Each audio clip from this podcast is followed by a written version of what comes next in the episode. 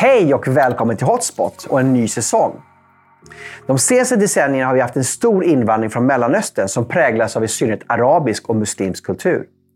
Om man jämför den med den svenska kulturen så är de varandras motsatser enligt World Value Survey. Hur ska vi kunna förstå varandra och hur ska vi kunna leva tillsammans? Och vad innebär det att vi blandar två så långt ifrån stående kulturer och religioner i samma land? Kommer det att fungera och hur ska vi få det att fungera? Det är frågeställningar som vi måste ställa oss om vi ska kunna hitta en väg framåt utan att vårt land fragmentiseras. Som gäst att samtala om dessa frågor har jag Loai Ahmed från Jemen. Loai är krönikör på Bulletin och har varit väldigt frispråkig på sociala medier kring islam och den arabiska kulturen. Välkommen till ett intressant samtal. Hej och välkommen till Hotspot, Loai Ahmed.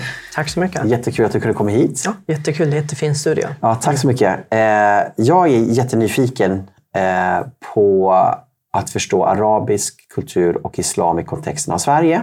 Och du har ju verkligen profilerat dig i de här frågorna. Eh, och jag tänker att vi skulle kunna ha ett samtal där, verkligen, där vi får förståelse för hur arabisk kultur fungerar hur svensk kultur fungerar i liksom förhållande till, till arabisk kultur och islam. Ehm, och det är ju väldigt lätt så att man antingen skönmålar eller svartmålar. Ehm, och jag vill inte bli gaslightad, men jag vill inte heller att man eh, bara svartmålar. Ehm, så jag tänkte att vi skulle kunna ha ett, liksom ett ganska sakligt samtal mm. kring det här. Ehm, och vi ska köra det här två omgångar med två program, en timme var. Mm. Um, och, men innan, innan vi går in på arabisk kultur och islam mm. eh, så har ju du eh, dels varit i Israel, jag är väldigt nyfiken på det. Mm. Men sen också har du lagt ut korta videos på eh, X och Instagram. Jag vet att du har varit på TikTok också. TikTok, ja. ja. Och, och det här går ut, går ut över hela världen. Och jag är väldigt nyfiken på vad är reaktionerna bland folk i Mellanöstern och muslimer i väst som ser dina videos? Jag skulle säga att majoriteten av reaktionerna från arabvärlden och eh, arabisktalande och muslimer är hur mycket får du betalt av Mossad och sionisterna och Israel? Hur mycket har, du, har de betalat dig och så? Ehm, men det är roligt för att jag har ju skrivit om allt, eh, alla mina videos egentligen är typ engelska variationer av saker som jag har skrivit om i Sverige på, i Bulletin och så. Eh, så jag har inte fått betalt av någon. Men det, det jag har också rört den här frågan i några av mina videos. Den här eh, som kallas the Arabic conspiratorial mindset. Där alltid ska det vara någon som försöker att attackera oss och vår religion och vår identitet. Det är alltid den här offermentaliteten av när någon försöker att kritisera den muslimska och arabiska kulturen. Då är det eh, nej, de får betalt, de hatar oss, de, de, de har det inte lika bra som vi och så, eh, rent religiöst. Ehm, så det, det, har varit en del sådana här reaktioner, eller majoriteten har varit sådana här reaktioner. Har också fått dödshat, eh, dödshut. dödshot och det är inget nytt egentligen när man kritiserar den muslimska världen. Jag skulle säga att jag försöker inte svartmåla eller skönmåla. Jag försöker då verklighetsmåla. Och när man försöker då verklighetsmåla den arabiska muslimska världen, då blir det lite mer svartmålning skulle jag säga. För att det är ju det är inga ställen där eh, judar, eller kristna eller hbtq-personer kan vara öppna med sin identitet och stolta över det. Eh, så, men det finns mycket som är fint med den arabiska kulturen och muslimska kulturen. Och där skulle jag säga, när det gäller familjeband, så har de där som saknas i, i väst. Eh, men jag tror att det går lite, inte lite, men jättemycket överstyr i väldigt många av familjerna och kultur. Jag, jag tänker att vi ska komma in på just kulturen sen senare här. Mm. Eh, men eh, upplever att det finns olika reaktioner mellan araber i Mellanöstern och araber i västvärlden? Eller är det ungefär samma reaktioner? Ungefär samma. Ungefär samma, okej. Okay. Är det någon skillnad på unga och gamla då? Eller? Ja, det skulle jag säga. Eh, på TikTok till exempel. Mm. Så jag skulle säga att liksom jag har fått mer genomslag på X än TikTok. Eh, eller ungefär samma, men på TikTok är det, man kan se genom statistiken och inställningar eh, åldersgruppen. Mm. Och där på TikTok är det mest typ mellan 14-åringar och 18-åringar och 20 till 24. Till skillnad från X där det är liksom eh, äldre. Och på TikTok är folk li lite mer mottagliga till kritik och, och så. För att, och reflektion. Och reflektion. Ja. För att den yngre generationen är lite mer woke. Mm. Det vill mm. säga att de är mer vana vid att debattera och prata och så. Och talar vi nu om, om unga människor med arabisk bakgrund i västvärlden eller mer, inkluderar det också i Mellanöstern? Eller? Eh, både och. Mm. För att den yngre generationen, är, de kollar på TikTok. Och det är den här skillnaden mellan också den mm, Gen Z, eh, eller zoomers, de som är födda efter 1997, eh, och um, Gen X och boomers och så. och millennials. Och det, den här nya generationen, de får upp TikTok och då scrollar de och ser otroligt många olika perspektiv och åsikter. Och eh, de ser liksom homosexuella och judar. Och det, det blir lite mer av en eh, kontakt mellan de här människorna som de lär sig om. Och där ser de de här, så, så liksom när jag dyker upp på liksom en ung arabs mobil på TikTok i Saudiarabien eller i Jemen. Jag är inte den första som säger till exempel att Israel har rätten att existera, utan att de har sett många andra judar och eh, kristna och icke-muslimer och kanske också muslimer som har sagt samma sak på TikTok. Men de som är äldre, det blir mycket kognitiv dissonans och ilska och hur mycket har du fått betalt och så. Det är inte så att liksom många TikTokers och zoomers som tror att jag gör det här bara för att det är mina åsikter. Många av dem också tror att jag är köpt och jag får betalt. Men det är också liksom nazister i Sverige som tror att jag har blivit köpt av Israel och alla de här konspirationsteorier. Jag, jag tror att jag ser väldigt många likheter mellan nazisterna i väst och eh, många av araberna i västvärlden. Att den här liksom konstanta judarna styr världen och de köper människor och alla som stöttar Israel eller stöttar judarna är köpta och de hatar araber och så. så och den kopplingen är ju inte ny utan den har ju funnits sedan 30-40-talet och framåt. Mm, mm. Mm, så är det. Så, men jag, jag skulle säga att många av de um, människorna som reagerar på mina videos blir liksom lite fans. Att de följer alla mina videos, de lyssnar på allting jag mm. gör. De kommenterar på mina videos. De, de, de, är de första som dyker upp och kommenterar och så. Och jag tycker att det är jättebra för de behöver eh, se och höra att det inte är bara vita som står på Israels sida eller står på hbtq-människornas sida eller står på kvinnornas sida. Utan att det är många som är frustrerade som kommer från den här kulturen som är väldigt kritiska. Sen, alltså jag skulle kunna liksom skapa content där jag pratar om alla de fina delarna i den arabiska världen och de fina familjeband och eh, sådana där grejer. Men varför skulle jag göra det? För mig är det, det finns många viktiga frågor som måste kritiseras, som måste tas upp och så. Och det är dystert att i väst så är det inte så många som tar upp de här grejerna. Varken här eller där. Här blir man karaktärsmördad, där blir man mördad. Så jag, jag tar mitt eh, mitt eh, brown privilege, så att säga. Att, att jag, eh, jag bor i väst, jag är någorlunda trygg här.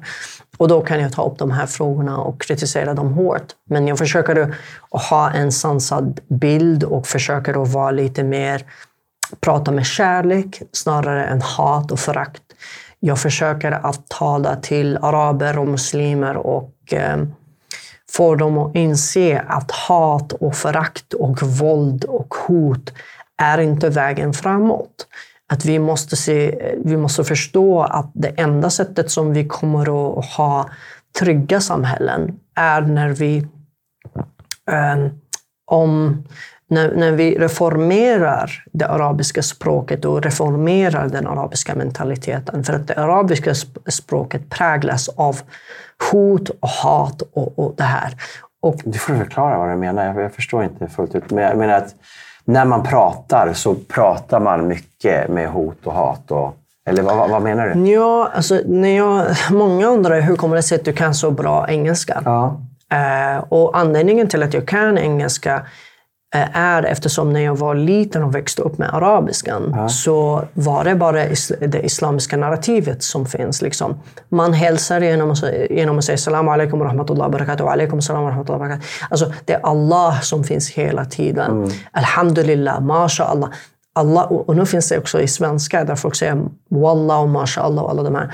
Men Allah och islam är en stor del av det arabiska språket.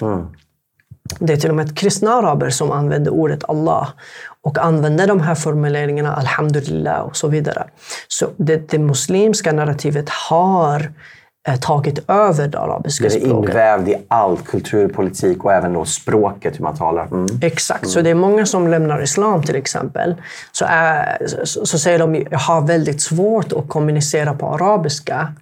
eh, För att man säger alhamdulillah och mashallah i väldigt många sammanhang. När man hälsar, när man, så till exempel mashallah, vilket betyder om Gud vill. Det är någonting som säger hela tiden. Liksom, Ska vi träffas sen? Mashallah, eh, inshallah menar jag. Inshallah betyder om Gud vill. Och det, finns många sådana här liksom, talespråk som, som man använder hela tiden. Och när man slutar att tro på religionen, då känner man att oj, jag måste fortfarande, fortfarande använda de här sakerna för att det är så inbäddat i, själva språket. Eh, Så själva arabiska språket är ett, i mångt och mycket ett muslimskt språk. Även kristna som talar arabiska och icke-muslimer som talar arabiska pratar fortfarande i, i det arabiska sättet. Och en av anledningarna för det här var liksom den första arabiska boken som någonsin skrivits är Koranen. Så själva det arabiska språket är, har islamiserats på något sätt. Då är det en mentalitet. Vi vi- är redan inne på kulturen nu då, men Mm. då är det en mentalitet där islam ska dominera varje vinkel och vrå i livet. Språk, allt du gör ska liksom islam Mhm. dominera. Då blir, blir det också då en mentalitet att i mötet med andra människor och andra kulturer så måste islam också dominera mötet med de människorna. Så blir det på sätt en påtvingande religion, eller vad? Mm. Det blir eh, inte, skulle inte bara påtvinga, utan det finns ett sätt. Så ta, när jag var liten och började ställa frågor om Allah och Koranen och Islam. Eh, man möts inte bara med att man påtvingar en att, att eh, follow the line, utan att man påtvingas och tro mentalt och psykiskt att kritik mot eller ifrågasättningar av islam och Allah och hela det här narrativet som kommer i språket och religionen leder till helvete. Och då menar jag med helvete att man hamnar i helvete efter man dör. Och innan man hamnar i helvete efter man dör, då förföljs man. Man, man eh, straffas av lagen, man straffas socialt. Så det blir liksom påföljd till det här liksom ifrågasättning. Um, Är det inklusive reflektion också? Eller? För det är ju en sak att kritisera, en annan sak att reflektera och, och fundera. Eller är det två olika saker i islam? Att du får reflektera, men du får inte kritisera. Eller, eller även reflektion en form av kritik? Eller? Man får ha reflektioner, men man får ställa frågor. Men till exempel, när det, men det, det är det som jag lärde mig engelska eftersom jag försökte att hitta någon, något sätt att kunna förstå religionen på ett djupare sätt. För att när jag var liten så ställde jag en fråga till min eh, morbror. Jag sa till honom, får jag skämta om Gud? Eller liksom, eh, ja, dra ett skämt om Gud. Eh, han sa absolut inte. Han blev riktigt upprörd. Och då ställde jag en fråga, men det är Gud som skapade humor. Alltså han måste kunna liksom ta ett skämt. Och då blev han jättearg och upprörd och sa aldrig, du kan inte göra det här. Men när jag kollar på tv, alltså engelsk tv, då ser jag liksom Family Guy, South Park som drar skämt om Gud och så. Och jag blev väldigt fascinerad där. Hur kommer det sig att de kan skämta om Gud? Alltså, det blir liksom en mycket högre tak för det som kan sägas och det som kan tolkas och det som, kan, som, som man får använda sig av i, i livet. Och för mig, jag har alltid varit, när jag var liten, jag ville bli komiker, jag älskade att skämta och så. Och då var Gud och religionen också en del av det här. Jag måste kunna skämta om de seriösaste och mest allvarliga grejerna. För att det är där det liksom komedin kommer in egentligen. Eh, att skämta om bara liksom kaffe eller bord eller mat, det det är inte så intressant. Men att skämta om saker som är väldigt allvarliga, för mig är det något som är roligare, så att säga. Och det är inte liksom att, att kränka människor är någonting som jag har gjort sedan jag var liten. För att när, man, när min morbror sa att jag inte får skämta om Gud och så, då började jag faktiskt skämta om Gud. Och, och jag kommer inte säga de skämt, jag var väldigt liten och lite busig, men jag, jag drog skämt som var riktigt liksom smutsiga om Gud. Jag var typ 13 år gammal. Och då blev han riktigt upprörd och arg och nästan slog mig. Och jag förstod inte varför man ska utsättas för våld om man är kritisk mot Gud eller kritisk mot Allah och religionen. Jag såg hur i väst så fick man göra det här. Men jag som arab som talade arabiska inte fick samma privilegium. Um, för, för, nu går vi in på det här då. Var, varför ligger våldet så nära religionen och kulturen? Jag, jag tror att det handlar om att för, för, eh, våld i, i, i väst var också en del av, av eh, kulturen. Man, man var tvungen att urvattna eller ta bort våldet genom att gå igenom renässansen, utvecklingen, enlightenment, ehm, industrialiseringen. Man, man har utvecklats så pass mycket till den punkt där man kan debattera olika åsikter utan att ta till sig våld. Utan ja, du tror inte på Gud, okej, okay, fine by me. Men i arabvärlden så är man fortfarande i det så kallade dark ages.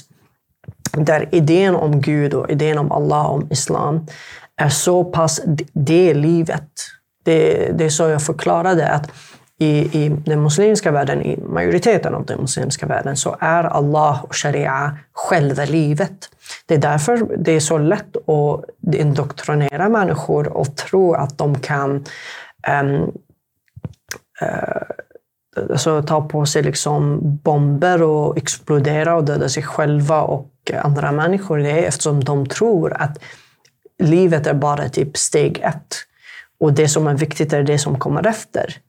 Och det är, också, en förklaring till varför många väster, äh, västlänningar eh, dras till islam. För att i väst, som Nietzsche säger, att liksom God is dead. Man har tappat religion, man har, man har tappat den där spirituella aspekten i livet. Och då vill man söka sig till något annat, något större, som feminism, som islam, som klimatrörelsen. Och då, så eh, religion erbjuder någonting själsligt, så att säga. Och eh, i väst, när människor inte finner den här liksom inre makt eller inre lugnande effekt som religion ger, då, då börjar man spåra ut lite. Och det ser vi i Sverige också.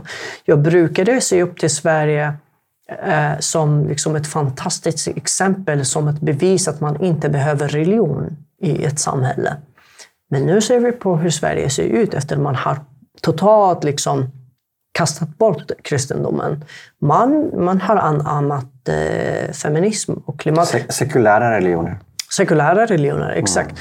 Och det är inte bara det, utan att jag, jag har insett för att 2012, 2013 då blev jag ateist och jag slutade tro på Gud. Och totalt, liksom, idén om Gud är bara liksom helt irrelevant. Det är bara liksom fantasier, eh, tänkte jag. Och eh, jag tänkte, oj, Sverige är så fantastiskt eftersom majoriteten av människor bryr sig inte om Gud och så. Men sen när jag blivit äldre och sett hur ateismen har påverkat Sverige, att det, det har lett till ett samhälle som i konstant jakt efter en religion. Och eh, en del av den här religionen, eller den största religionen skulle jag säga, inte är feminism utan att det är den här antirasismen. Eh, där man vet att det finns liksom ojämställda samhällen där människor som inte bor i Europa och bor i andra delar av världen har inte haft det så lätt. Eh, har inte haft det här liksom, biokulturen där man Eh, har strävat efter att förbättra sig och skapa bättre samhällen, skapa bättre byggnader på grund av kylan, skapa bättre förutsättningar för sina befolkningar. Eh, och då, då ser man på de här samhällena och så, oj vad synd om dem, det är vårt fel. Det är på grund av vår rasism. Det är på grund av kolonialism. Det är på grund av att vi har stulit deras resurser. Utan att ta hänsyn till faktumet att de här människorna fortfarande håller på med slavhandel. De koloniserar fortfarande, de krigar fortfarande. De gör, så den muslimska arabiska världen gör exakt allting som, som väst har gjort.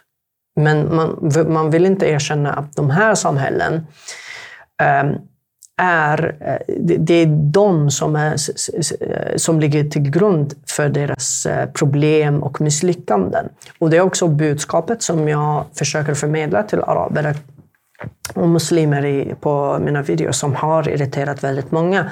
Det är liksom att det är inte judarna, det är inte väst som är problemet.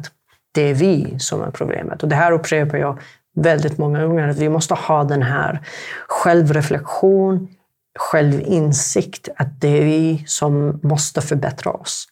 Är det här den stora skillnaden? Alltså vi, vi har ju en, vi har ju en, en skuldkultur på annat sätt i väst. Mm. Alltså där Självrannsakan är väldigt viktig därför att man bär på skuld och man vill göra upp med sin skuld. Och då pekar man ju inåt och ser att jag är en del av problemet. Därför kan jag också vara en del av lösningen. Medan i Mellanöstern är en skamkultur. Mm. Där jag inte vill bli förnedrad. Jag vill inte liksom få tappa ansiktet inför andra. Och om det är något som är dåligt så är det andras fel, alltså en offermentalitet. Mm. Um, Eh, skulle du säga att det här är den stora skillnaden väldigt mycket också, därför att vi har skapat utveckling på olika sätt och man kanske är kvar i där man har varit väldigt länge, flera hundra år, är just den här mentaliteten kring kring att peka utåt och skylla på andra istället för att peka inåt och säga vad, vad, vad har jag för skuld i det här? Vad kan jag ändra? Hur kan, hur, jag kan, hur kan jag förbättra mig själv eller förbättra situationen? Mm. Mm. Ja, definitivt. Jag, jag tror att det här liksom att eh, i väst så har man tagit på sig skulden av vad som händer i andra länder och inom sina egna gränser. Eh, samtidigt som i, i, i arabisk och muslimsk kultur så det hänger ihop med det. Liksom, ja, väst tar på sig skulden för de har skadat oss och de fortsätter att skada oss. Och vi är skuldfria. Så, så när vi tar på skulden så bekräftar det för dem att ja, det är så. Det är, ni har ju, det är ni som har skulden. Ja, så är det. Och då, då, min mamma var på besök um, för ett tag sedan och uh, vi bråkade jättemycket för att det var efter kriget och det var då jag kom ut som pro-Israel. Men jag är ju inte... Du tar 7 oktober nu alltså? Ja, det var efter kriget där hon kom på besök. Jag är ju inte pro-Israel. Jag är pro-människor. Och eh, bara för att jag säger att eh, Israel har rätten att existera och ha ett land, då är jag per automatik pro-Israel. Jag bara fine. Men eh, hon, vi, vi, skulle debattera och ehm, argumentera om allt.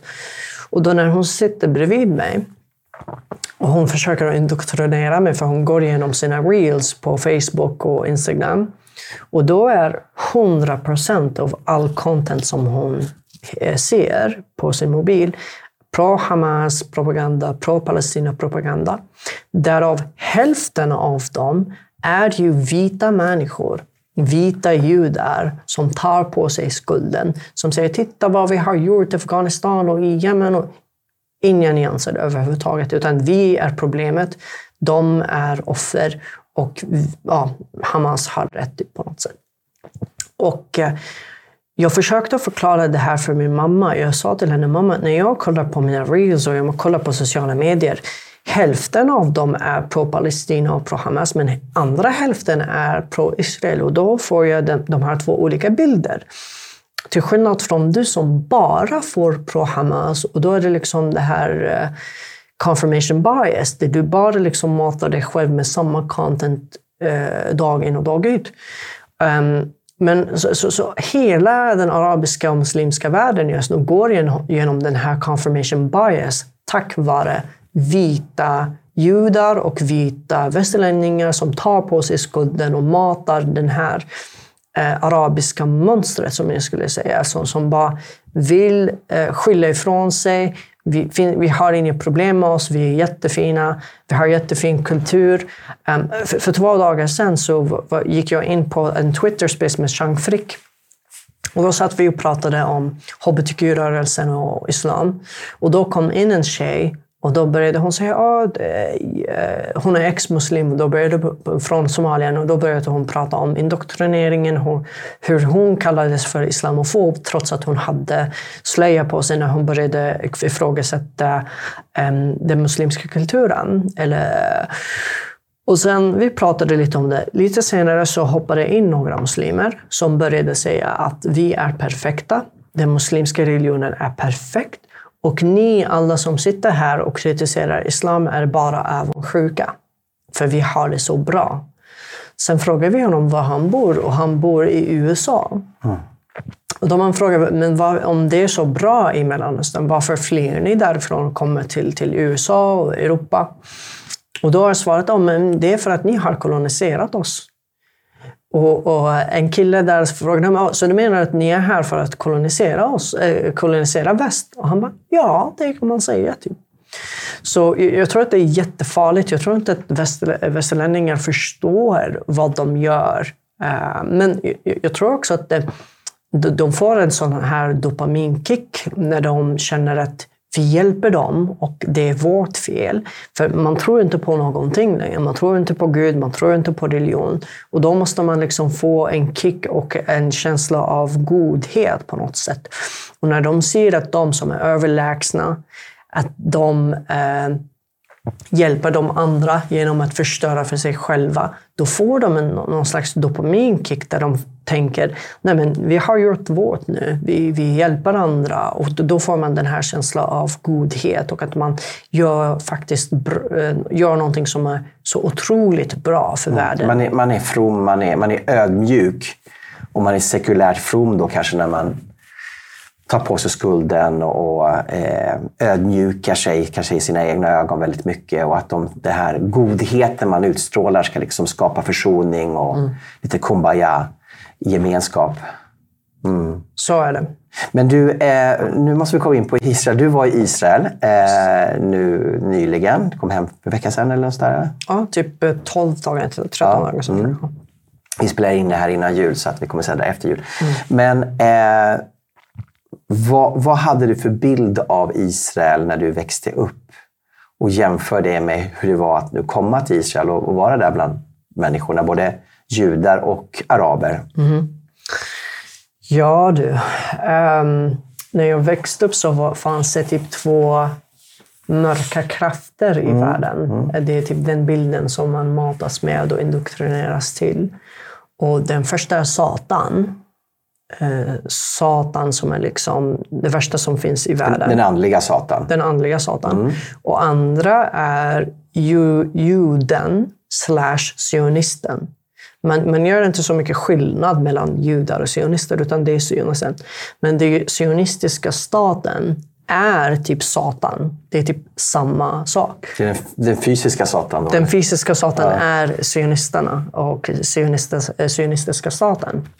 Så jag absorberade allt det här och växte upp med det, det där liksom föraktet och hatet mot judar och sionisterna. Um, fram tills jag kom till Sverige 2014 och ett år senare så var jag i Halmstad i ett studenthus där jag bodde. Och en gång så kom in en kille i um, det där huset uh, som flyttade in så att säga alla som bodde i det där studenthuset var svenskar och då kunde jag inte svenska, så jag kunde inte kommunicera så bra med svenskarna. Då när den här killen kom in och han var svarthårig och såg lite mer eh, ut som jag, då tänkte jag att det finns en kille som jag skulle kunna liksom prata med, för jag tror inte att han är svensk, kände jag.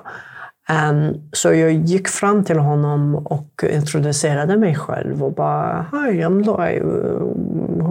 Jag minns, så jag minns att vid den där stunden när jag presenterade mig själv och varifrån jag kommer, när jag frågade honom varifrån kommer du? Så fort han sa Israel, det går inte ens att beskriva den stunden för att jag var i chock. Det, det var som att helt plötsligt slutade jag lyssna på det han sa. Utan att liksom allt bara, världen typ snurrade runt när han sa att han var från, från Israel. Och när jag typ kom tillbaka till verkligheten och eh, började liksom lyssna på det han sa, jag fattade att han berättade för mig att han känner väldigt många jemeniter i Israel och att han kan laga jemenitisk mat. För han, så fort han sa Israel, och när han hörde att jag var från Jemen, då blev han exalterad. Min reaktion egentligen var att så fort du säger till mig att du är från Israel och du vet att jag är från Jemen, då är vi liksom de facto fiender. Och då ska du liksom gå till ditt rum, jag ska gå till mitt rum, vi ska inte ha någon liksom konversation eller något sånt. Men då börjar han berätta om hur han kan laga jemenitisk mat. Han älskar jemeniter. Han har väldigt många jemenitiska vänner. Han bara, jag kommer att laga sahok och gahnun och alla de här jemenitiska maträtterna till mig. Och det var... Jag var fortfarande i chock. Och vad håller du på med? Du ska egentligen vara min fiende. Um, men sen jag började prata med honom. okay, kul. Eh, jag har inte ätit jemenitisk mat på ett tag, så det kommer bli jättekul att äta. Och då började liksom vi prata, men det var alltid den här för min del. Jag var lite mer av, avståndstagande. Jag ville inte liksom beblanda mig med, eller liksom prata så mycket med honom. Men det visade sig att han var en otroligt fin människa. Um, så vi blev vänner och han lagade jemenitisk mat till mig. Och vi, vi hade en sån fin eh, vänskap och han var en av de finaste människorna som jag träffat i Halmstad. Och ju mer jag insåg det, alltså i början när vi blev kompisar, då hade jag alltid den här tanken i, att, att, nej, han, han bara låtsas vara en fin människa för att skönmåla Israel. Nej, nej, han bara låtsas för att vara en fin jude så att jag inte ska döma judar. När han bara låtsas att vara en, en icke-farlig människa bara för, så att jag ska gå tillbaka till mina vänner och säga att han var en fin människa. Ett år senare... Du var, så, du var konspiratorisk på en gång. Så var det. Ja. Ett år senare så var han fortfarande en av de finaste människorna som jag träffat. Och det var en sån kognitiv dissonans för mig. Att, att oj, liksom vad, vad i helvete? Så sex år senare um, så träffar jag fortfarande judar som är lika fina, som är lika mänskliga. Så jag har liksom gått igenom en humanisering där jag insåg att judar och sionister och israelier inte är onda människor. Jag skrev om antisemitism i Bulletin några gånger. Men jag har inte liksom fördjupat mig i, i, i, i det som händer i Israel. Utan att jag fortfarande har den där eh, känslan, inte känslan, men den där övertygelsen att Israel är en ockupation och eh, att Israel inte ska utplånas, men man ska kunna kritisera Israel. Och jag tror, tycker fortfarande det. Man ska kunna kritisera Israel som, som stat, precis som man ska kunna kritisera Sverige som stat. Liksom, hur de behandlar sina befolkningar, hur de, liksom, vilka lagar som stiftas. Um, och så vidare. Så stater ska kunna kritiseras. Men jag är inte för att man ska kunna kritisera Israels existens. Det är typ något helt annat. Det är tro på ehm, etnisk rensning. Men, men du, du, beskriver nu hur du gör en resa från, ja, dels antar jag då överhuvudtaget mm. synen på judar och israeler kanske då i synnerhet. Mm. Eh, när du kom till Israel, vad hände då? Vad, vad, vad har hänt med din syn på Israel som stat och samhälle mm. eh, under de här dagarna, veckorna som du var där? Mm. Jag ska bara spola tillbaka lite. Ja. Så när, när kriget hände, liksom, 7 mm. oktober, eh, då såg jag hur folk firade mm. det här. Och, eh, i Mal- vi ska komma in på det där. Mm. Mm. mm. Så, så för mig var det liksom, oj, det, någonting väcktes i, i, inom mig. Att liksom, allt det här hatet som jag hade i mig så ser jag på sociala medier och överallt. Och sen såg jag bilderna på det som hände i 7 oktober. Då tänkte jag, jag, jag vill faktiskt eh, åka till Israel. Jag måste åka till Israel, sa jag. Men då hade jag inte börjat eh, organisera någonting eller planera någonting. Jag bara, någon gång måste jag åka till Israel. Någon gång måste jag åka dit och se vad som händer. Kolla apartheiden. Ehm, Se vad som händer, prata med människor, prata med judar, prata med araber och så. Så det var typ en övertygelse att jag måste åka dit. Sen eh, Sharaka-organisationen hörde av sig och jag kollade upp vad det var för organisation och det var typ en frihetsskapande organisation som försöker föra samtal och förståelse mellan araber och israelier och eh, muslimer och eh, judar. Och då sa de att de ska liksom ta mig dit och jag ska liksom träffa olika journalister och olika människor där. Och då tackade jag direkt. Ja, jag kommer dit. Jag vill liksom möta den här satan-staten så att säga. Eh, men sen så fort, innan jag åkte dit så pratade jag med mina judiska vänner i Sverige om att Oj, jag ska till Israel förresten. Och de här judiska vännerna vet att jag har alltid sagt att jag någon gång vill liksom besöka Israel. Då sa de till mig att du kommer att älska Israel förutom flygplatsen. Eftersom på flygplatsen, då, där kommer du liksom sitta i förhör i många timmar. Um, och så. så när jag åkte dit på flygplatsen, det var där jag förväntade mig att jag skulle liksom ifrågasättas, jag ska sitta i förhör. Jag kommer egentligen från Jemen. Det står eh, i mitt svenska pass. Födelseort? Mm. Jemen, Sanaa, Jemen. Och Jemen just nu för ett krig mot, eh, mot Israel. Så när jag var där och eh, de sa till mig, du, när jag skulle liksom gå igenom kontrollen, de sa att du ska gå och sitta där. Då, när jag gick dit för att sitta och vänta på kontrollen. Jag tänkte oj, nu kommer IDF eh, med fem soldater med vapen och de kommer att sätta mig där och jag ska sitta där i tre timmar. Jag måste förklara. Och jag var bara rädd att någonting skulle... Att det ska vara liksom ett riktigt hemskt, eh, en riktigt hemsk upplevelse på flygplatsen. Helt plötsligt dyker upp en, en otroligt trevlig tjej som kommer upp till mig. Hej, är du Eloy? Jag bara, ja. Hon bara, jag ska bara ta 15-20 minuter, bara liksom ställa liksom obligatoriska frågor. Och jag tittade på henne, är det du som, som ska liksom ställa frågorna till mig? Hon var jätte liksom härlig och leende och bara, ja, ja, det, det här, vi måste bara, det är liksom, eh, det, det, är någonting som vi gör väldigt mycket och hoppas att det är okej okay och så. Eh, jag fattade ingenting. Jag trodde, kommer hon ta mig till IDF? Var är alla soldater? Var... Hur som helst, så hon började ställa frågor. Varför ska du komma in till Israel? Och bla bla bla, bla bla bla. Och under det, alltså samtalet pågick i 15 minuter, max. Och eh, hon och jag, den här tjejen och jag, vi...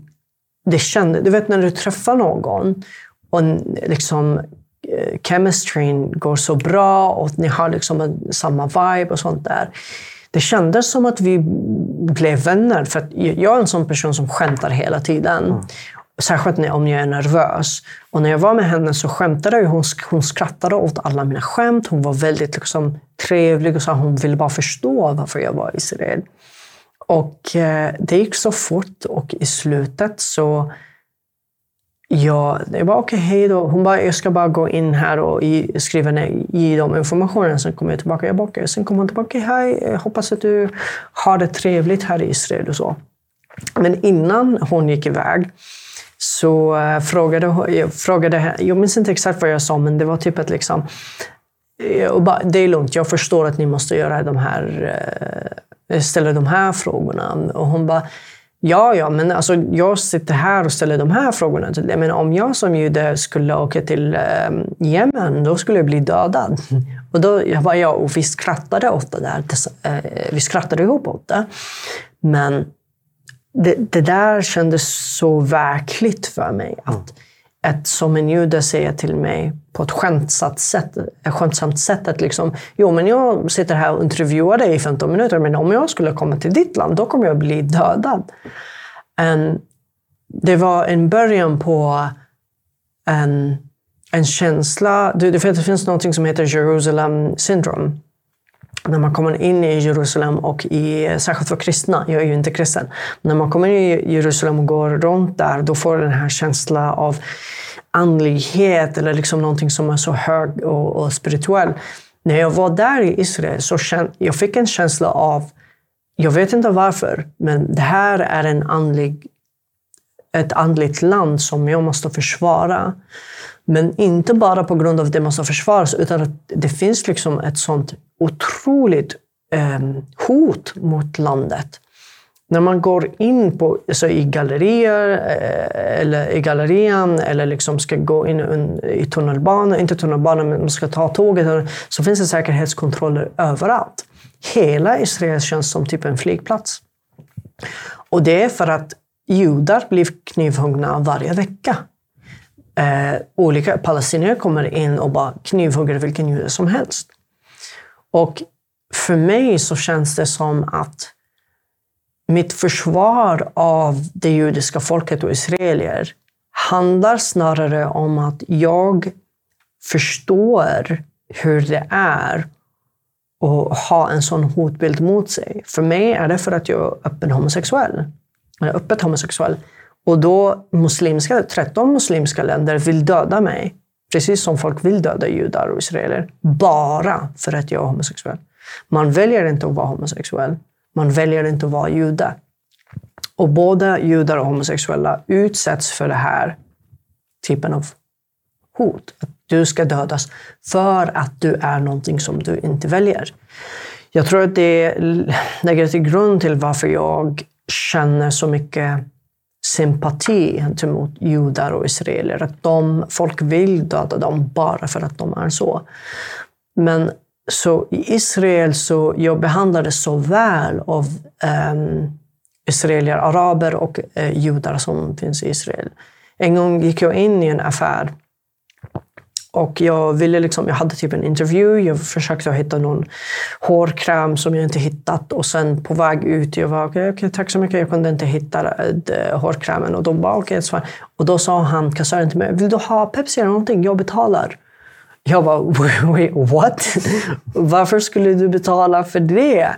Um, det finns en sån här gästvänlighet så, som är ganska arabiskt.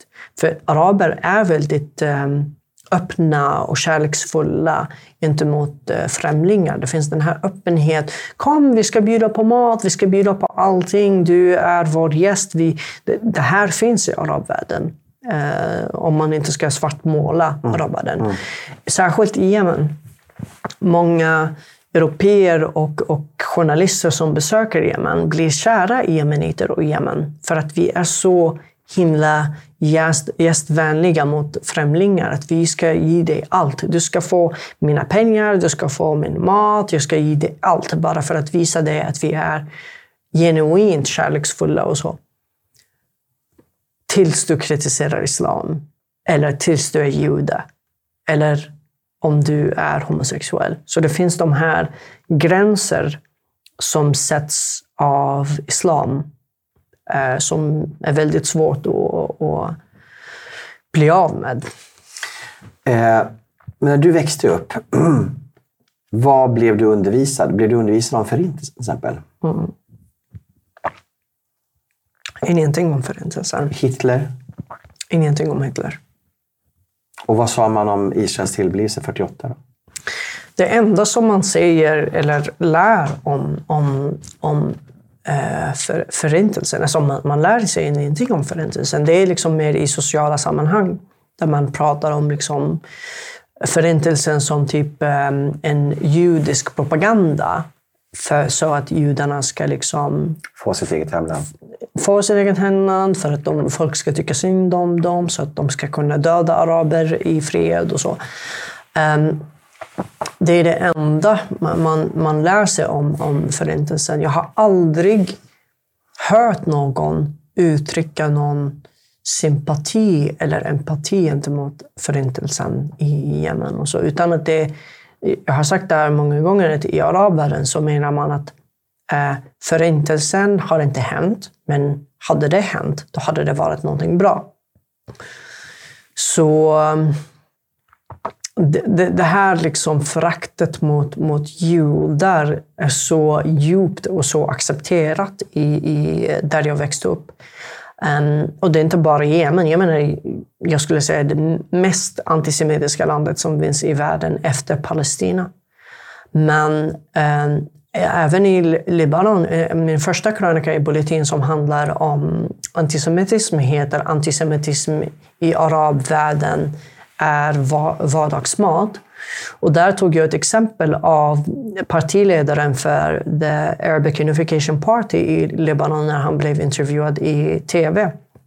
Och då, de pratade lite om fotboll och då sa han jag, jag gillar inte jag, han sa bokstavligen det här, jag gillar Brasilien när de spelar fotboll, men jag gillar tyskar i politiken eftersom de brände judarna och de hatar dem. Och då började han skratta.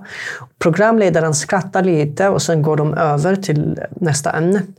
Och jag ställde en fråga, en fråga hur, hur skulle det här se ut i Sverige om Annie Lööf säger samma sak? Sen Anders Holmberg bara skrattar åt det och går till nästa fråga det, det, det, är så antisemitismen ser ut i, i arabvärlden. Blir du då förvånad när vi såg de här firandena som var i Helsingborg och på andra platser i Sverige eh, den 7 oktober efter den här massakern på judarna? Blir du, blir du förvånad? Inte att de tyckte, utan att de vågade på ett sätt uttrycka det i Sverige. Som om de vore i Mellanöstern. Mm. Vad, vad tänkte du när du såg det? Jag tror att jag blev Ja, både ja och nej. Jag blev förvånad eh, när jag såg det. Liksom folk firade och jag bara oj, gud vad är det som händer? Men sen när det satt sig, jag bara, ah, nej, det är klart. Väst, alltså, väst har mm. banat väg för det här. Väst har, västvärlden har tolererat deras intolerans så länge på alla sätt. Så varför skulle varför skulle de känna att de inte ska visa sin solidaritet för terrorism? I flyktingboendet i, ehm, i, eh, i Halmstad, mm. den som ligger liksom nära Tylösand. Innan jag flyttade in i studenthuset så bodde jag i ett flykting, ehm, flyktingboende. Jag höll på att säga flyktingläger. Men i flyktingboendet där, eh, det var januari när Charlie Hebdo-attacken hände. Och jag skulle säga typ tiotals män i flyktingboendet firade. N när attacken hände och, och, de hörde om det, eh, så läste nyheterna om attacken, då kunde man höra dem från, liksom, för det fanns liksom ett gemensamt, gemensamt vardagsrum i flyktingboendet. Och där hörde man dem skrika och alltså, de firade att man slaktade eh, journalisterna på Charlie Hebdo. Um, men det, det, var inte liksom enda gången jag, jag hörde om liksom islamismen, för jag visste att det, majoriteten av de som var i, i flyktingboende var islamister. För de, när de satt i mitt rum, för det är liksom fem, sex personer som sitter i samma rum. När, när de satt då samlades liksom syrierna i, i flyktingboende och också etiopier Eh, en etiopier eh, som kunde arabiska. Då, när de satt och liksom pratade politik och så, jag satt också med dem och, spelade och alla de här grejerna. Och då pratade de om att liksom, vi är här, alltså, det finns en mening med krigen i Mellanöstern och arabvärlden och det är för att vi ska komma hit och lära dem islam. Den rätta vägen, den raka vägen, som Koranen säger. Och eh, det var då jag kände, oj, jag innan så hade jag den bilden att människor som kommer till väst är som jag. De vill ta del av det sekulära, öppna samhället som jag läste om när jag var liten, när jag lärde mig engelska. Men nej, många av människorna som kommer hit hatar Sverige, Västeuropa och vill förändra det. Det var missionärer hit? Missionärer, exakt. Men inte bara missionärer. Alltså det, det, det, finns, det finns liksom, eh, eh, kristna som kom till till exempel Jemen, det här tror jag 2008 eller någon så, som ville sprida kristendomen där. Och de blev dödade. Och, men jag, jag kände en tysk kvinna som var i Jemen som kände dem. De, de här kristna de kom till, till Jemen bara för att sprida kristendom på ett väldigt vänligt och, och kärleksfullt sätt.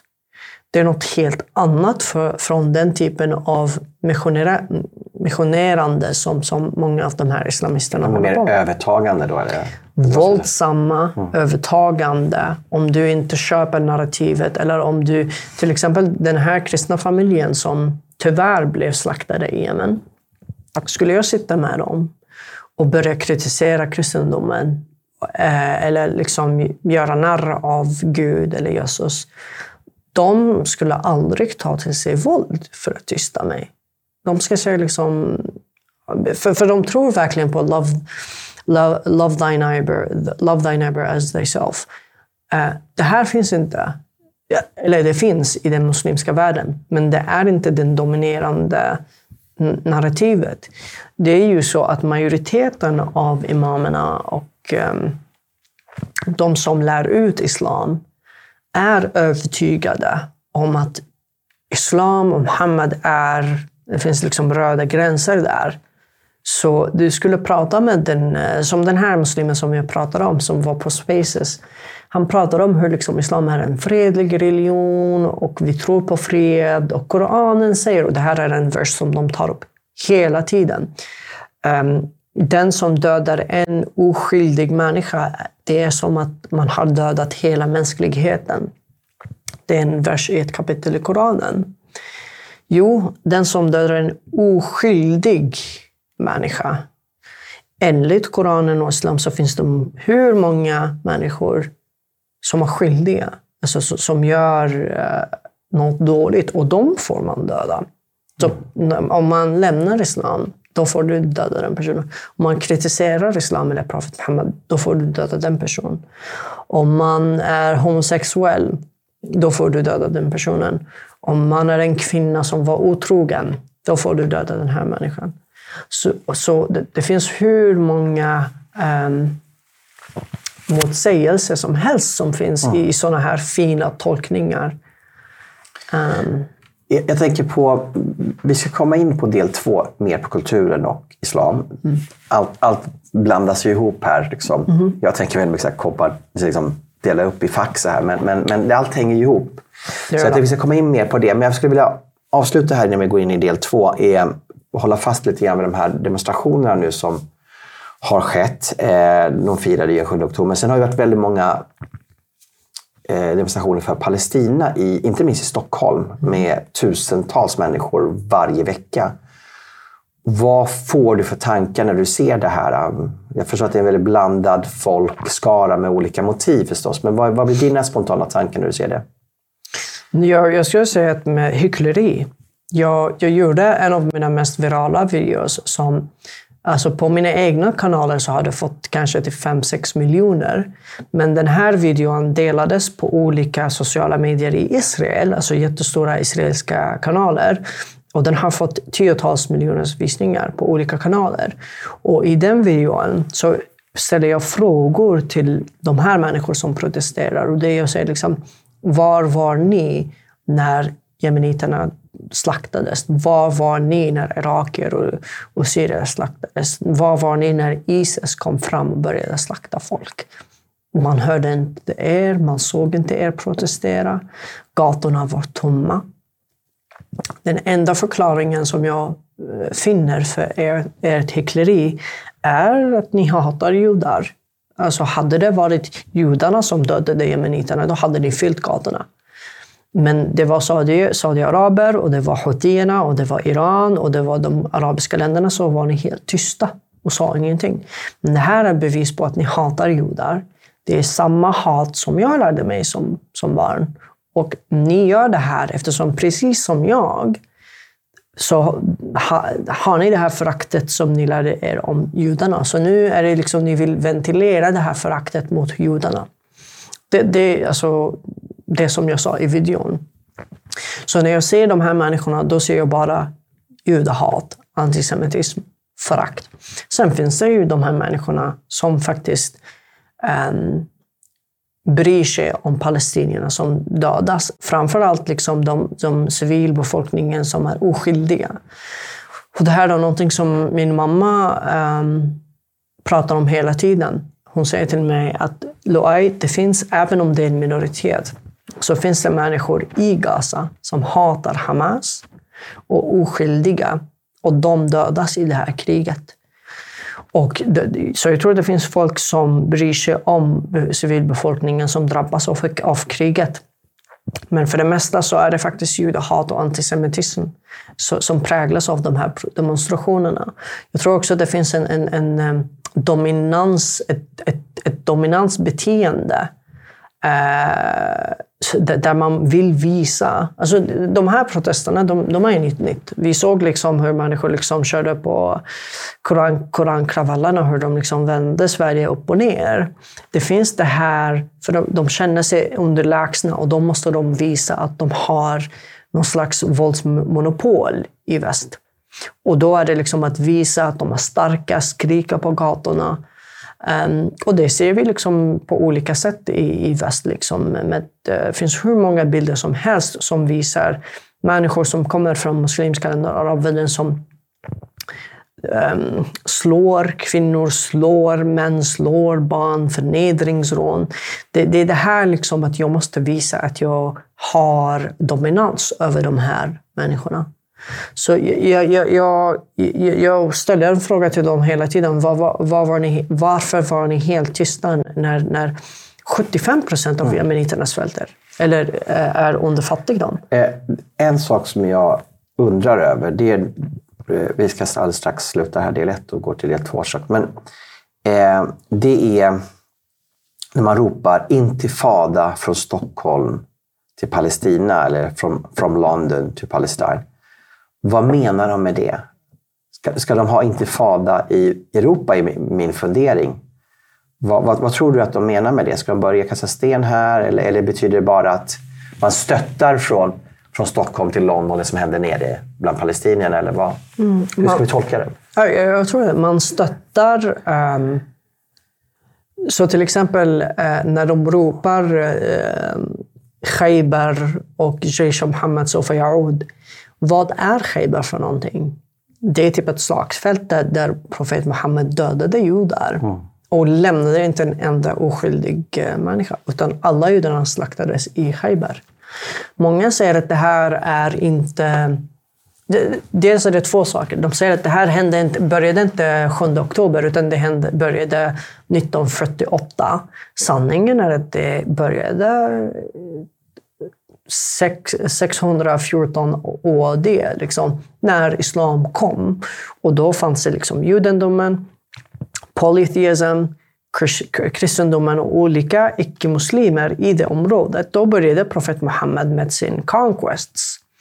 Och då var hans huvudsakliga fiender, eh, vad heter de? Judarna och eh, Quraysh. Och där var det liksom att han måste liksom slå med dem och kriga mot dem. Det är där det hände. Det är där det, är där det började. Det är där i Koranen och haditherna där judarna beskrivs på de, de äckligaste sätten. Det, det, det är där det började. Det finns hur många imamer som helst som säger vårt förakt mot judar handlar inte alls om Israel. Det handlar om vår religion. Och, och det här lärs ut till barnen. Så det är en religiös konflikt och det är också en politisk konflikt och det är en konflikt som handlar om mark. Makt, eh, mark. Men det är också en väldigt religiös konflikt. Eh, och det går tillbaka till när profet Muhammed och islam kom. Så det är ju, intifada är en del av det här liksom att judarna ska besegras. När de säger intifada, mm. då tänker vi svenskar, det är en politisk kamp. Mm. Men du menar att det är en politisk kamp och en religiös kamp i, i samma sammansatt? Absolut. För, det, för de ropar inte bara intifada. De ropar intifada, de ropar Khaybar, de ropar... Alltså det, det är en och samma. Alltså det är blandat. Då tänker jag så när jag ser de här demonstrationerna, jag har sett dem några gånger, mm. då går ju liksom 18-åriga svenska killar där jag ser pensionärer som ser ut att vara från Östermalm som går med sin hund i de här tågen. Mm de, verkar inte förstå riktigt vad det, vad det handlar om. Nej, det är typ som Queers for Palestine. Alltså, queer, så Queers for Palestine är ju en organisation av alla hbtq plus människor som stöttar Palestina. Och skulle de här människorna befinna sig i Palestina så skulle de dödas. Ehm, men det är ignorans, naivitet, brist på kunskap, eh, en sån stor, ett stort behov av att visa att man står på rätt sida av historien, det vill säga Hitlers sida. Mm. Tack så jättemycket Loai. Tack så mycket. Eh, vi ska ha in det här i, på Vision Sverige och vi ska in på Öppna kanalen också. Och radiokanal har vi också, en lokal radio här i Falköping. Mm. Så att vi, vi bryter nu mm. och, eh, och så kommer vi tillbaka nästa vecka. För den som kollar på sociala medier, den som kollar på TV, så kommer vi tillbaka nästa vecka. Och då fortsätter vi temat att förstå arabisk kultur och islam. Mm. Eh, och eh, ja, gräver djupare i det. Tack så mycket. Ja, tack. Och eh, välkommen tillbaka nästa vecka till del två av hur vi ska förstå arabisk kultur och islam. Välkommen tillbaka.